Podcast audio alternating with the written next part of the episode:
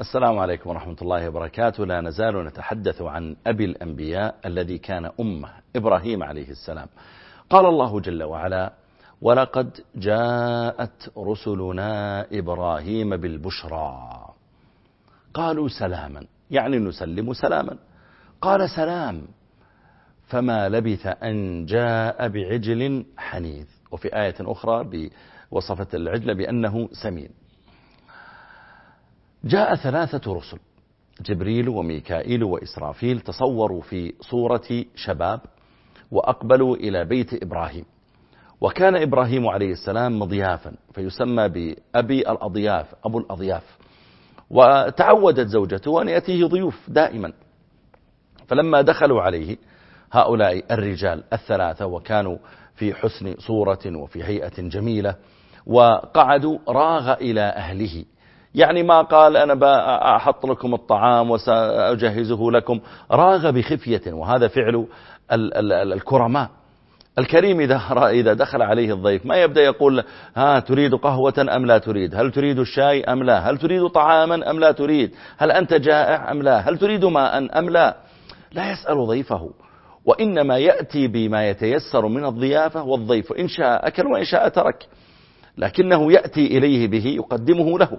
كما قال إبراهيم كما قال الله تعالى عن إبراهيم فراغ إلى أهله. يعني ذهب سريعا خفية إلى أهله بالرغم من كبر سنه. فهم لما جاءوه كان عمره قد تجاوز المئة سنة. فهو شيخ كبير. مع أن مئة سنة بالمناسبة في, في أعمارهم لا يعتبر في, في آه، مقياسها كما هي في أعمارنا نحن.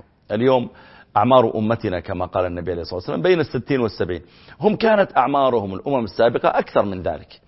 يعني كان نوح عليه السلام لبث في قومه ألف سنة إلا خمسين عاما. هذه فترة الدعوة فقط. إذا كم لبث قبلها وكم لبث بعدها من سنين؟ آه، نوح آه، لوط آه، إبراهيم إلى غيره من الأنبياء كانت أعمارهم أطول من أعمارنا.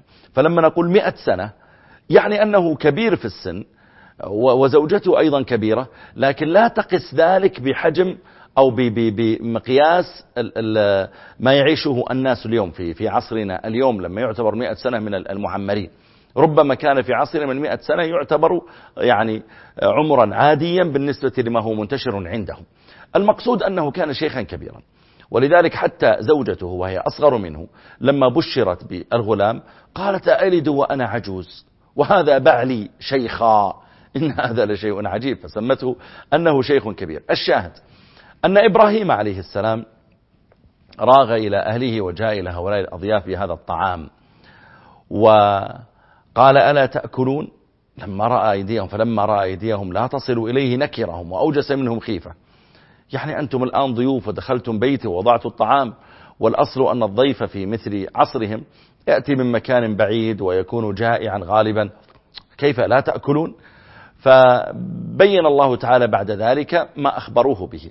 نقف عند قوله تعالى ولما جاءت رسلنا الملائكة وقد تصوروا بصورة بشر. جاءت رسلنا إبراهيم بالبشرى جاءوه ببشريين البشرى الأولى أنك سترزق بذرية. وكم من إنسان عاش لم يرزق بذرية في شبابه لكنه رزق لما كبر وهذا إبراهيم وذاك زكريا عليهم الصلاة والسلام. وفي عصرنا اليوم من يمنع من الذرية فإذا وصل عمره في الخامسة والستين مثلا أو في السبعين سبحان الله رزق. والله تعالى يقول يهب لمن يشاء إناثا ويهب لمن يشاء الذكور أو يزوجهم ذكرانا وإناثا ويجعل من يشاء عقيما. ويقول جل وعلا كل يوم هو في شأن. فقد يشاء الله جل وعلا اليوم أن يكون هذا آه، آه، عقيما وفي اليوم الثاني يشاء الله جل وعلا أن يكون يولد له. كل يوم هو في شأن سبحانه وتعالى. فجاء جاءوه بالبشرى. البشرى الأولى هي أنه سيرزق بأولاد والبشرى الثانية أن قوم لوط وهو ابن أخي إبراهيم عليه السلام. أن قوم لوط الذين كفروا وضلوا وفجروا وقطعوا الطريق وأتوا في ناديهم المنكر وأتوا بالفاحشة التي لم يسبقهم بها أحد من العالمين أنهم سيهلكون. ولا شك أن إهلاك الظالمين بعدما يبلغ يبلغون بالدعوة ويعني ويبذل معهم جميع الأساليب لأجل دعوتهم كما فعل نوح عليه السلام مع قومه.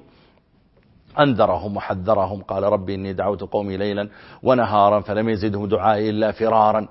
وإني كلما دعوتهم لتغفر لهم جعلوا أصابعهم في آذانهم واستغشوا ثيابهم وأصروا واستكبروا استكبارا. ثم إني دعوتهم جهارا ثم إني أعلنت لهم وأسررت لهم إسرارا. إلى آخر الآيات التي تبين كيف كان حرصه على بذل جميع الأساليب والطرق وطرق جميع الأبواب لدعوتهم وهم يأبون عليه. وفي الأخير دعا الله تعالى عليهم. يا رب ربي لا تذر على الأرض من الكافرين ديارا. إنك إن تذرهم يضل عبادك. عندها وأوحي إلى نوح أنه لن يؤمن من قومك إلا من قد آمن فلا تبتئس ما كانوا يعملون. واصنع الفلك بأعيننا ووحينا ولا تخاطبني في الذين ظلموا إنهم مغرقون ويصنع الفلك. حتى أهلك الله تعالى قومه بالطوفان. فجاءت الملائكة إبراهيم بهاتين البشرين. البشرى الأولى فبشرناه بغلام حليم وفي آية أخرى بغلام عليم. وفي قال الله تعالى فلما لما سمعت زوجته زوجة إبراهيم آه، وامرأته قائمة فضحكت لما قيل إنا أرسلنا إلى قوم لوط قال فما خطبكم أيها المرسلون؟ قالوا إنا أرسلنا إلى قوم مجرمين الذين هم قوم لوط. وامرأته كانت قائمة عند الباب. تستمع امرأة ليس عندها أولاد وليس عندها يعني ضيوف في الداخل من نساء فكانت تقف عند الباب. تستمع أحاديث الضيوف مع زوجها تأنس بذلك. فلما أخبروه أنهم ملائكة وأنهم جاءوا للقضاء والعقاب والعذاب على قوم آه، لوط عليه السلام وامرأته قائمة فضحكت فرحت بأن لوطا سيرتاح من أولئك الفجار. فضحكت فبشرناها بإسحاق ومن وراء إسحاق يعقوب.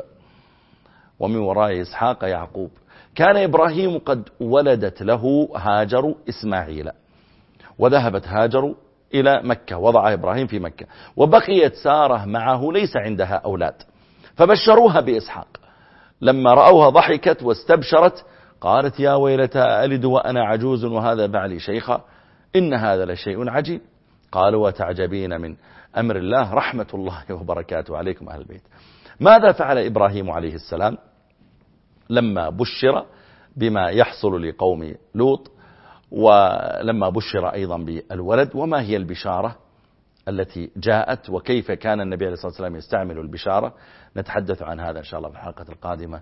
والسلام عليكم ورحمة الله وبركاته.